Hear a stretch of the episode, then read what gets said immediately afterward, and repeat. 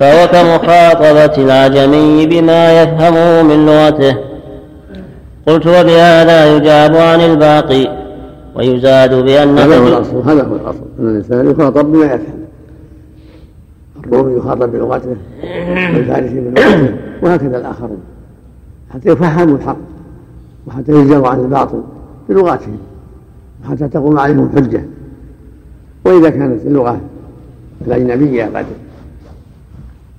فشت بالناس بين العرب استعملوها صارت عربية بالنقل فهذه منها كخ وسنة في هذا الباب. إذا كان أصلها فارسي أو غير ذلك ثم استعملها العرب صارت عربية بالنقل. نعم. ويزاد بأن تجويزه حذف أول حرف من الكلمة لا يعرف. يكفي يكفي نعم. صلى الله إليك الطفل الذي عمره سبع سنوات ذكر. يبعد عن قضية الإسبال في الثياب ولا يفصل نعم. يربى عليه نعم. يمنع من الإسبال وإن كان صغيرا نعم. الله تأمر بالصلاة في السبع هل مع التشديد عليه يعني بالصلاة ولا بس أمر مجرد أمر؟ على وليه يأمره بالصلاة في السبع يجب على وليه وجوب نعم. لأن الرسول قال مروا الأصل الأوامر الوجوب. واضربوهم على العشر. حتى يتمرنوا على الخير. بعض الصبيان قد يبلغ بعد العشر قد يبلغ الحاج عشر الثاني عشر. نعم. نعم الله عنك.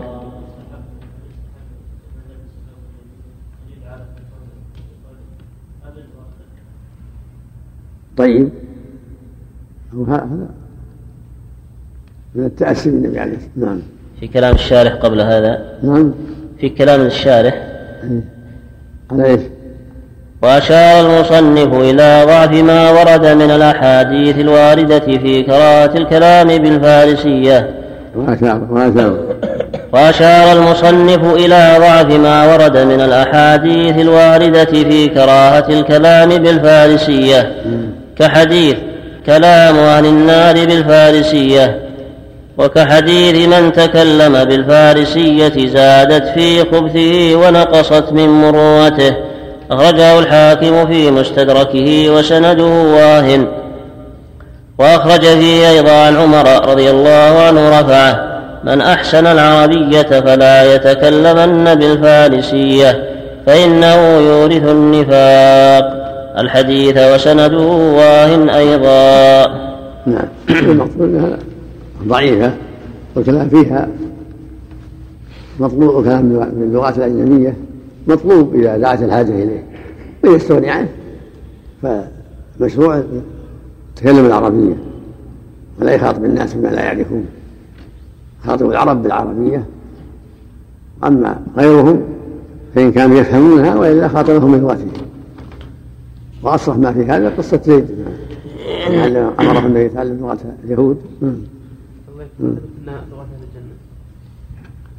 مشهور ظاهر الأحاديث أن لغتهم.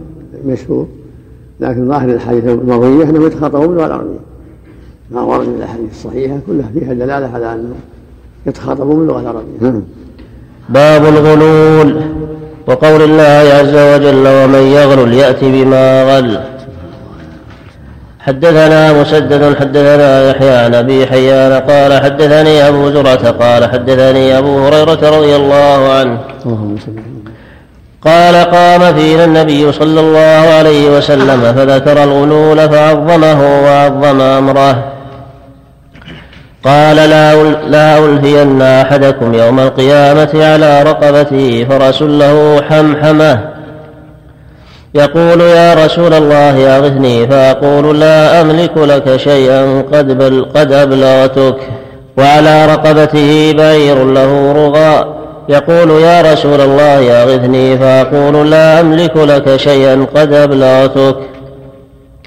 وعلى رقبته صامت فيقول يا رسول الله أغثني فأقول لا أملك لك شيئا قد أبلغتك. أو على رقبته رقاع تخفق فيقول أو أو على رقبته رقاع تخفق. نعم. فيقول يا رسول الله أغثني فأقول لا أملك لك شيئا قد أبلغتك. وقال أيوب عن أبي حيان فرس له حمحمة. بسم الله الرحمن الرحيم. اللهم صل وسلم رسول الله. هذه الآية مع الحديث فيها الحد التحذير من الغلول.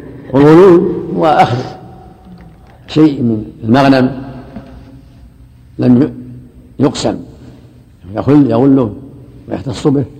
دون الغانمين وهكذا مثل ذلك من يأخذ من بيت المال بغير حق أو من الأمانات التي لديه بغير حق يغلها ومن يغلل يأتي من غل يوم القيامة. يعني يأخذ شيئا من الباطل على سبيل الخفية والسرقة. فالغلو شأنه خطير. من كان على مال على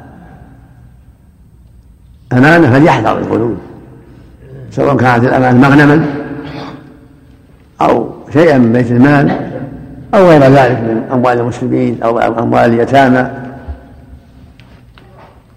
يبين صلى الله عليه وسلم أن يأتي يوم القيامة أناس عند قيام الناس وانتشارهم الموقف وكل واحد على خطر عظيم ولا سيما أهل المعاصي والكفر بالله عز وجل.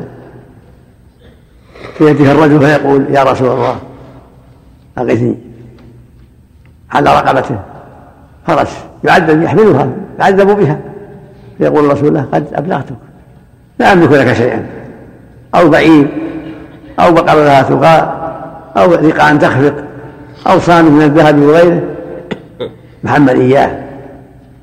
يطوق إياه يوم القيامة. يعذب به. فيستغيث فلا يغاث. يقول له الرسول قد بلغ الرسول بلغ. القرآن الذي جاء به الرسول قد بلغ. هذا بلاغ للناس. ووحي هذا القرآن لينذركم يوم البعث. فالواجب الحذر اليوم. دار العمل. هذه دار العمل.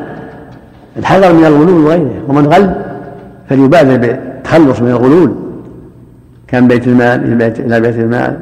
كان من مال ايتام يعطيه الأيتام. كان من مال غيرهم أعطاهم إياه. يحذر اليوم. هذا يوم التحلل يوم يوم الأخذ بالحيطة يوم التوبة. أما إذا توفي فقد انتهى الأمر.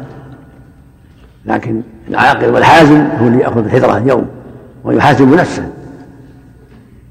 نعم. عليك عندنا شاة لها ثغار زيادة. في أول المثل. معروف الحديث. نعم. ثبت. معروف الحديث. شاة لها أمر معروف الحديث نعم. يوم القيامة لا بأس. أما في البرزخ لا يسأل في الحياة الدنيا وفي يوم القيامة. الناس يشفع يفزع إلى آدم فيحيلهم على نوح ثم يحيلهم على إبراهيم ثم يحيلهم إبراهيم على موسى ثم يحيلهم موسى على عيسى ثم يحيلهم عيسى على محمد. لأنه يوم القيامة يملكون يستطيعون الشفاعة. والغوث فيما يستطيعون. أما بعد الموت في حال البرزخ لا ليس لأحد استطاعة. فلا يدعى في البرزخ أحد لا نبي ولا غيره. ولكن يوم القيامة إذا قام الناس هذا محل الشفاعة نعم. نعم. نعم من الشرك الأكبر. من الشرك الأكبر. الاستغاثة بالأموات من الشرك الأكبر. نعم. نعم.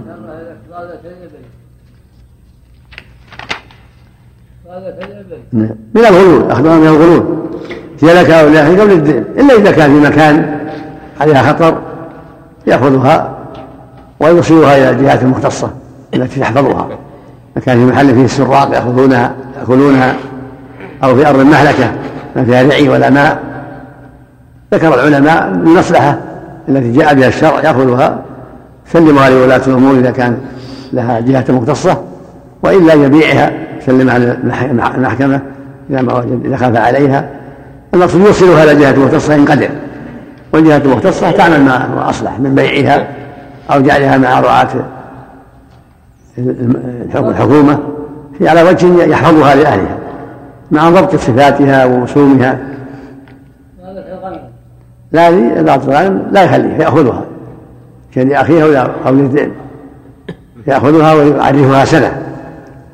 فإن عرفت وإلا فهي له يضبط صفاتها سنها. والنبي صلى الله عليه وسلم من أرى ضالة فهو ضال. ما لم يعرفها فيأخذها ويعرفها سنة كاملة. رحمك الله. وإذا كان ربيع أمكن يجعلها مع الغنم ترعى. يجعلها مع الغنم ترعى. وإن كان خاف عليها يبيعها. يحفظ ثمنها ويشهد على ذلك على صفاتها. ويقرب يعرفها سنة. فإن عرفت وإلا فهي له. الله عليك. الورثة يلزمهم رد الغلول نعم. الورثة يلزمهم رد الغلول إذا عرفوا يلزم الورثة رده إذا عرفوا أنه غلول يلزم رده الورثة نعم. نعم. باب القليل من الغلول. باب. باب القليل من الغلول. نعم. ولم يذكر عبد الله بن عمرو رضي الله عنه عن النبي صلى الله عليه وسلم أنه حرق متاعه وهذا صح إيش؟ وعن. ولم يذكر عبد الله بن عمرو رضي الله عنه عن نعم. النبي صلى الله عليه وسلم أنه حرق متاعه وهذا أصح. نعم. حدثنا علي بن عبد الله حدثنا سفيان عن عمرو عن سالم بن أبي الجعد عن عبد الله بن عمرو رضي الله عنه قال كان على ثقل النبي صلى الله عليه وسلم رجل يقال له كركرة. فمات فقال رسول الله صلى الله عليه وسلم هو في النار. فذهبوا ينظرون إليه فوجدوا عباءة قد غلها. قال أبو عبد الله قال ابن سلام كركرة يعني بفتح الكاف وهو مضبوط كذا. كركرة بالكاف؟ يعني بفتح الكاف. نعم نعم. وهذا يبين لنا أن الغال لا يحرم متاعه. وما هو في هذا فهو ضعيف ولكن يؤدب بما يراه ولي الأمر يؤدب بما يرى ولي الأمر ويؤخذ منه الغلول ويرد إلى الغريمة ولهذا في الحديث الآخر أدوا الخيط والمكشط أدوا الخيط والمكشط يأدوا كل شيء. واجب على الغانمين أن يؤدوا ما وجدوه في الغنيمة وأن يحذروا الغلو وهكذا القائمون على بيت المال أو على مال الأيتام يحفظون كل شيء يؤدوا كل شيء إلا ما سمح به الشرع إلا ما جعل لهم الشرع من معاش من أجرة من جعل على حفظ مال الأيتام شيء جعل لهم أباحه الله لهم ولا يأخذ الزيادة ولهذا أن هذا مولى للنبي صلى الله عليه وسلم غلى عداءه فعدل بها. نعم.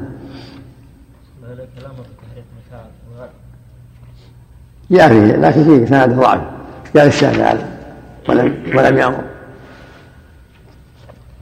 قوله ولم يذكر عبد الله بن عمرو رضي الله عنه عن النبي صلى الله عليه وسلم أنه حرق متاعه يعني في حديثه الذي ساقه في الباب في قصة الذي غل العباءه وقوله هذا صح وأشار إلى تضعيف ما روي عن عبد الله بن عمرو في الأمر بحرق رحل الغال.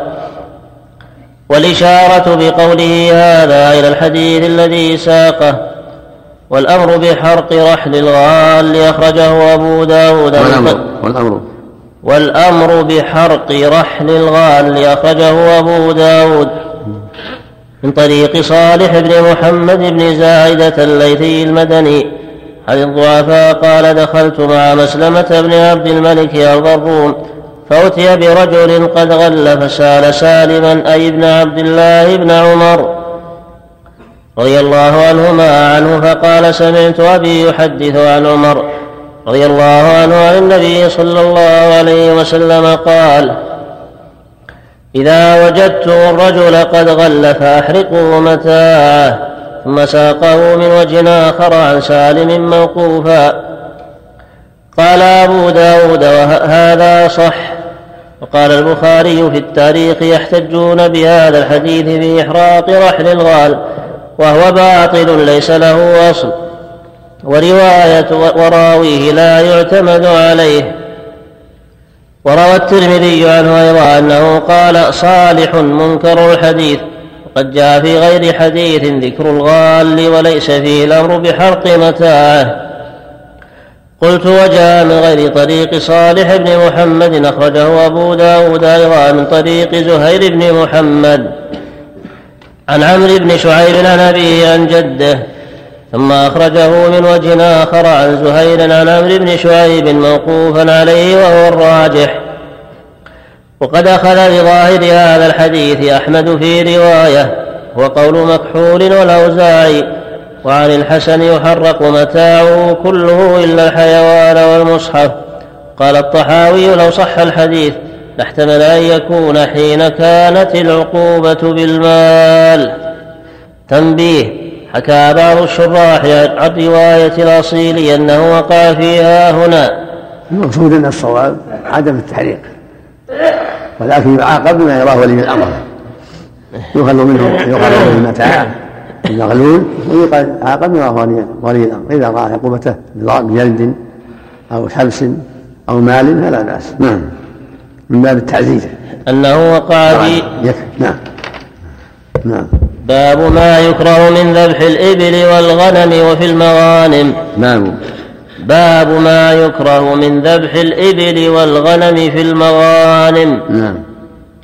حدثنا موسى بن إسماعيل حدثنا أبو عوانة عن سعيد بن مسروق عن عباية بن رفاعة عن جده رافع قال كنا مع النبي صلى الله عليه وسلم بالحليفة فأصاب الناس جوع وأصبنا إبلا وغنما وكان النبي صلى الله عليه وسلم في أخريات الناس فعجلوا فنصبوا القدور فأمر بالقدور فأكفيت ثم قسم فعدل عشرة من الغنم ببعير.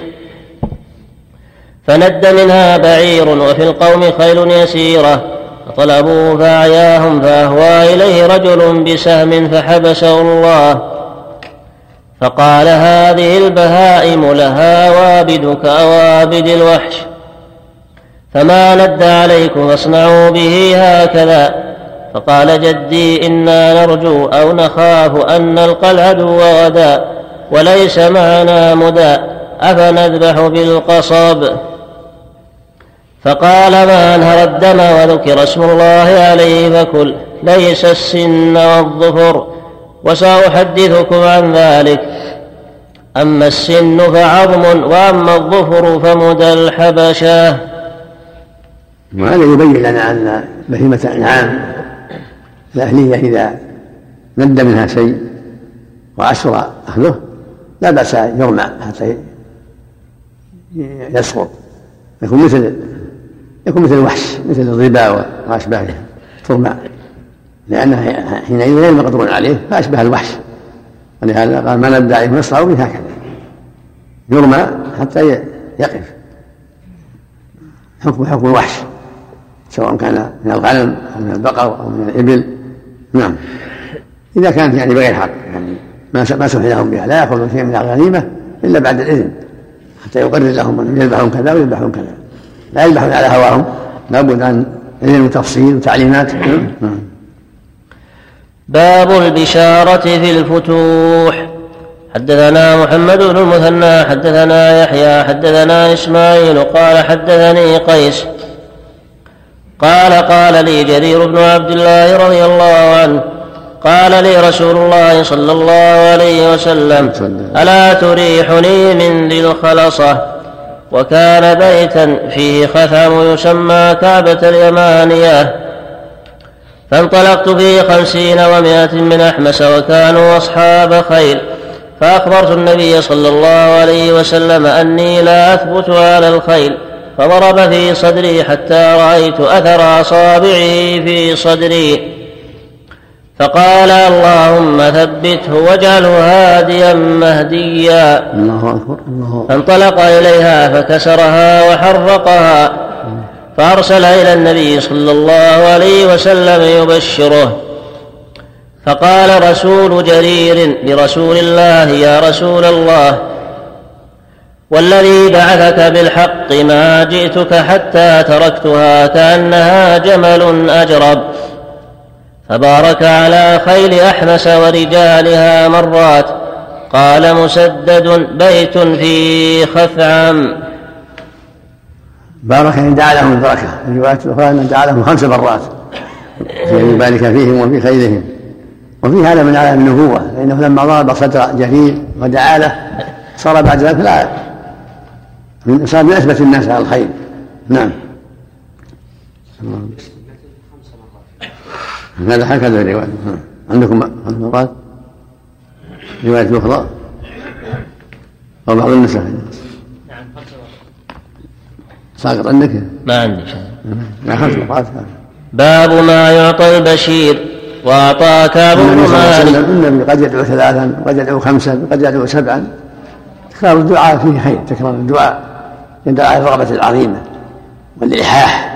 والله يحب الملحين في الدعاء. من هذا قول صلى الله عليه وسلم؟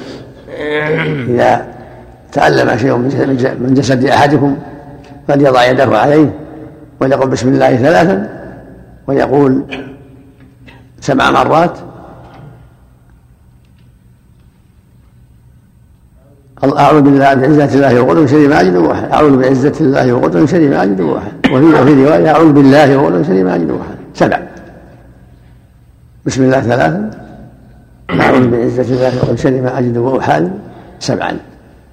يضع يده على محل الألم ويمسح عليه ويقول كل مرة أعوذ بعزة الله وقدر شر ما أجد واحد في هذا نبرك على خير أحمس خمس مرات. الله عنك. يمسح في يده ولا لا من يضع على محل الألم ويقول بسم الله بسم الله بسم الله. أعوذ بعزة الله ومن شر ما عجل رواه مسلم في الصحيح ورواه أحمد أيضا بسنده نعم.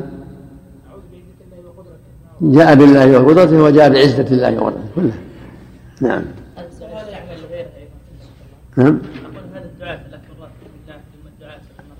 إذا آلمه شيء إذا آلمه شيء من جسده. هذا هكذا جاء الحديث.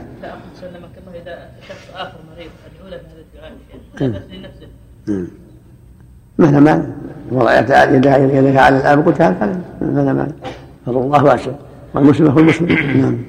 نعم. ها؟ يعني سلم. نعم.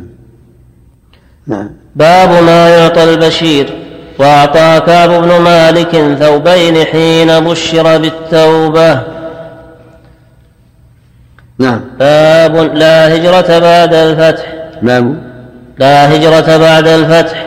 البشير يبشر يعطى شيء. هذا أفضل. لأنه أخبرك بما يسرك. فإذا أعطيته شيئا فهو حسن. بشرك بسلامة قريبك أو صديقك أو فتح للمسلمين أو بولد لك أو أشبه مما يسرك. إذا أعطيته شيء مثل ما فعل كعب لما سمع صوت البشير أعطاه ثوبين عليه لما بشره بتوبة الله عليه. باب لا هجرة بعد الفتح.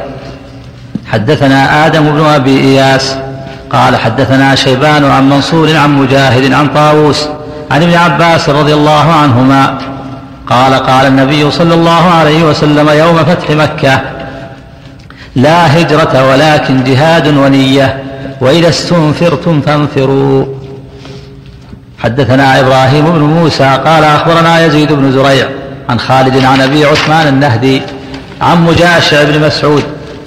قال جاء مجاشع بأخيه قال جاء مجاشع قال جاء مجاشع بأخيه مجالد بن مسعود إلى النبي صلى الله عليه وسلم فقال هذا مجالد يبايعك على الهجرة. فقال لا هجرة بعد فتح مكة ولكن أبايعه على الإسلام. لا هجرة. فقال لا هجرة بعد فتح مكة نعم. ولكن أبايعه على الإسلام. حدثنا علي بن عبد الله قال حدثنا سفيان. هو المقصود يعني من مكة وإلا في الهجرة باقية من البلاد الأخرى. الحديث الآخر لا تنقضي حتى تنقطع التوبة. الحديث الآخر الهجرة باقية ما قتل العدو لكن بعدما فتح الله مكة لم تبقى هناك حاجة إلى الهجرة منها لأنها صارت دار إسلام. وكانوا أولا يجب عليهم أن يهاجروا منها إلى المدينة. فلما فتحها الله صارت دار إسلام وانتهت الهجرة منها. ولهذا قال صلى الله عليه وسلم لا الفتح؟ يعني فتح مكة ولكن جهاد ونية. يعني يعني جهاد باقي والنية الصالحة باقية. وإذا استنفرتم فانفروا. فالواجب على المؤمن تكون له النية الصالحة في كل شيء جميع أعماله. هذا أساس عظيم لا بد منه. لا عمل إلا بنية. كما في الحديث الصحيح إنما الأعمال بالنيات. فالمهاجر إذا هاجر بلا نية ما يكون مهاجر. إنما يكون مهاجر إذا نوى في ذلك الانتقال من بلاد الشرك إلى بلاد الإسلام لقصد حفظ دينه. وإرضاء ربه والحذر من أسباب الشر. أما اذا هذا بنيه أخرى فإنه لا يكون مهاجرا. وإذا استنفرتم فانفروا كذلك باقي. وهذا من الجهاد. استنفر الإمام الناس وجب النفير على المستطيع. والاستنفار معناه الأمر بالخروج إلى الجهاد. فعلى من يستطيع أن يخرج. نعم. حدثنا علي بن عبد الله قال حدثنا سفيان قال عمرو وابن جريج سمعت عطاء يقول ذهبت مع عبيد ذهبت مع عبيد بن عمير إلى عائشة رضي الله عنها وهي مجاورة بثبير فقالت لنا انقطعت الهجرة مذ فتح الله على نبيه صلى الله عليه وسلم مكة. نعم. باب إذا اضطر الرجل إلى النظر في شعور أهل الذمة والمؤمنات إذا عصينا الله وتجريدهن. نعم. نعم. باب إذا اضطر الرجل باب إذا اضطر الرجل إلى النظر في شعور أهل الذمة والمؤمنات نعم. إذا عصينا الله وتجريدهن. حدثني محمد بن عبد الله بن حاتم باب إذا اضطر الرجل. باب إذا, إذا باب إذا اضطر الرجل إلى النظر في شعور أهل الذمة والمؤمنات. إذا عصينا الله وتجريدهم من شعور أهل الذمة. والمؤمنات. نعم. والمؤمنات. والمؤمنات. نعم. طيب. إذا عصينا الله نعم. وتجريدهن. نعم. حدثني محمد بن عبد الله بن حوشب الطائفي. قال حدثنا هشيم. قال أخبرنا حسين عن سعد بن عبيدة عن أبي عبد الرحمن وكان عثمانيا. فقال لابن عطية وكان علويا. إني لأعلم ما الذي جرأ صاحبك على الدماء. سمعته يقول بعثني النبي صلى الله عليه وسلم والزبير فقال ائتوا روضة كذا وتجدون بها امرأة أعطاها حاطب كتابا. فقلنا الكتاب. قالت لم يعطني. فقلنا لتخرجن أو لأجردنك. فأخرجت من حجزتها فأرسل إلى حاطب فقال لا تعجل والله ما كفرت. ولا ازددت للإسلام إلا حبا ولم يكن أحد من أصحابك إلا وله بمكة من يدفع الله به عن أهله وماله ولم يكن لي أحد فأحببت أن أتخذ عندهم يدا فصدقه النبي صلى الله عليه وسلم فقال عمر دعني أضرب عنقه فإنه قد نافق.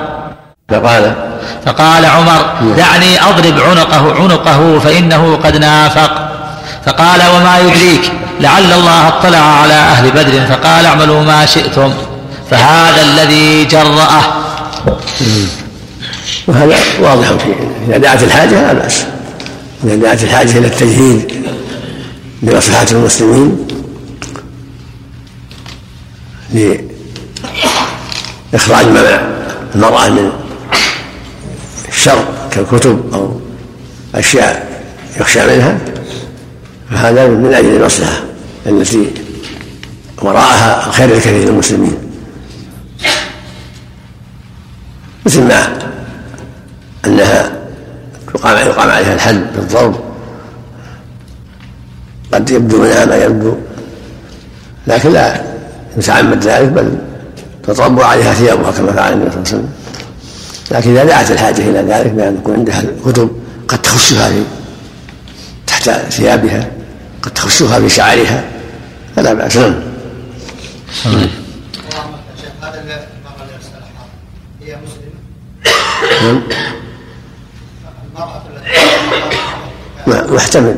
ما في ما في ما ما يذكر حاله. لم يذكر حالها نعم. باب استقبال الغزاة. حدثنا عبد الله بن أبي الأسود. قال حدثنا يزيد بن زريع وحميد بن الأسود عن حبيب بن الشهيد عن ابن أبي مليكة قال ابن الزبير لابن جعفر رضي الله عنهم أتذكر إذ, أتذكر إذ تلقينا رسول الله صلى الله عليه وسلم أنا وأنت وابن عباس.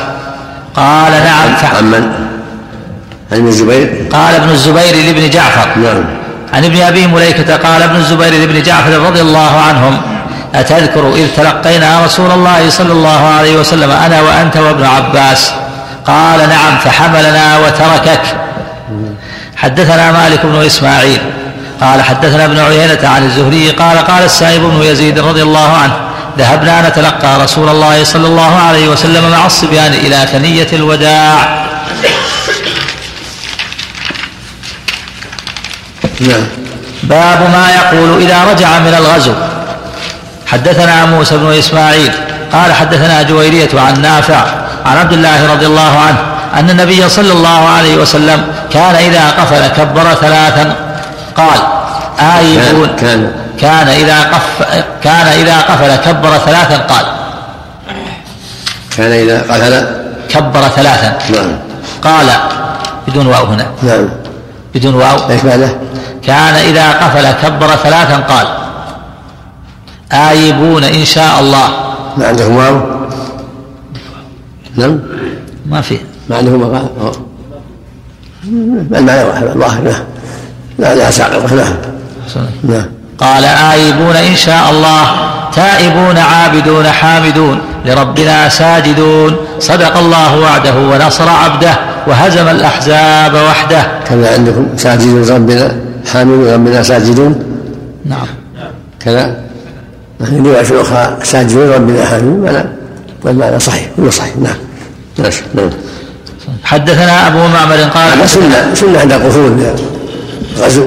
الحج ونحو ذلك. يكبر في الطريق ثلاثة ويقول آيبون يراجعون آيبون تائبون عابدون ساجدون ربنا حامدون. صدق الله وعده ونصر عبده وهزم هذا. يسبح سبحان الله والحمد لله ولا اله الا الله يسعى المؤمن عند القفول نعم نعم. حدثنا أبو معمر قال حدثنا عبد الوارث قال حدثني يحيى بن أبي إسحاق عن أنس بن مالك رضي الله عنه قال كنا مع النبي صلى الله عليه وسلم مقفله من عسفان ورسول الله صلى الله عليه وسلم على راحلته وقد أردف صفية بنت حيي فعثرت ناقته فصرعا جميعا فاقتحم أبو طلحة فقال يا رسول الله جعلني, جعلني الله فداءك. قال عليك المرأة. فقلب ثوبا على وجهه وأتاها فألقاه عليها وأصلح لهما مركبهما فركبا واكتنفنا رسول الله صلى الله عليه وسلم. فلما أشرفنا على المدينة قال آيبون تائبون عابدون لربنا حامدون. فلم يزل يقول ذلك حتى دخل المدينة. اللهم صل حدثنا علي قال حدثنا بشر بن المفضل قال حدثنا يحيى بن أبي إسحاق عن أنس بن مالك رضي الله عنه أنه اقبل هو وابو طلحة مع النبي صلى الله عليه وسلم. ومع النبي صلى الله عليه وسلم صفية يردفها على راحلته. فلما كان ببعض الطريق عثرت الدابة فصرع النبي صلى الله عليه وسلم والمرأة. وإن أبا طلحة قال أحسب قال اقتحم عن بعيره فأتى رسول الله صلى الله عليه وسلم. فقال يا نبي الله جعلني الله فداءك هل أصابك من شيء؟ قال لا ولكن عليك المرأة. فألقى أبو طلحة ثوبه على وجهه فقصد قصدها فألقى ثوبه عليها فقامت المرأة فشد لهما على راحلتهما فركبا فساروا حتى إذا كانوا بظهر المدينة أو قال أشرفوا على المدينة. قال النبي صلى الله عليه وسلم آيبون تائبون عابدون لربنا حامدون. فلم يزل يقولها حتى دخل المدينة. اللهم صل على وفي هذا الرسل الرسل والصلحاء يبتلون وليس من شرط الرسول أو المؤمن ألا يصيب ألا يصيبه شيء بقربه من الله وكونه من أوليائه. فإن أولياء الله تصيبهم أشد الناس بلاء الأنبياء ثم الصالحون ثم الأمثل والأمثل المصائب تصيب الناس. مسلمهم وكافرهم مؤمنهم وعاصيهم والمؤمنون أشد الناس بلاء اختبارا وامتحانا. ليعظم أجرهم وتكفر سيئاتهم وليكونوا أسوة لغيرهم في الصبر والاحتساب والثبات. هذا الرسول صلى الله عليه وسلم ومعه زوجته صرع عن الدابة سقط عن الدابة لما عثرت الدابة. وهكذا ما أصاب يوم أحد من الجراحات وكسر البيضاء على رأسه وسقوطه في بعض الحفر التي حفرها المشركون. كل هذا مما يبتلي الله به أولياءه. وهكذا ما أصاب في مكة من الأذى وهكذا ما أصاب الرسل جميعا من نوح ومن بعده.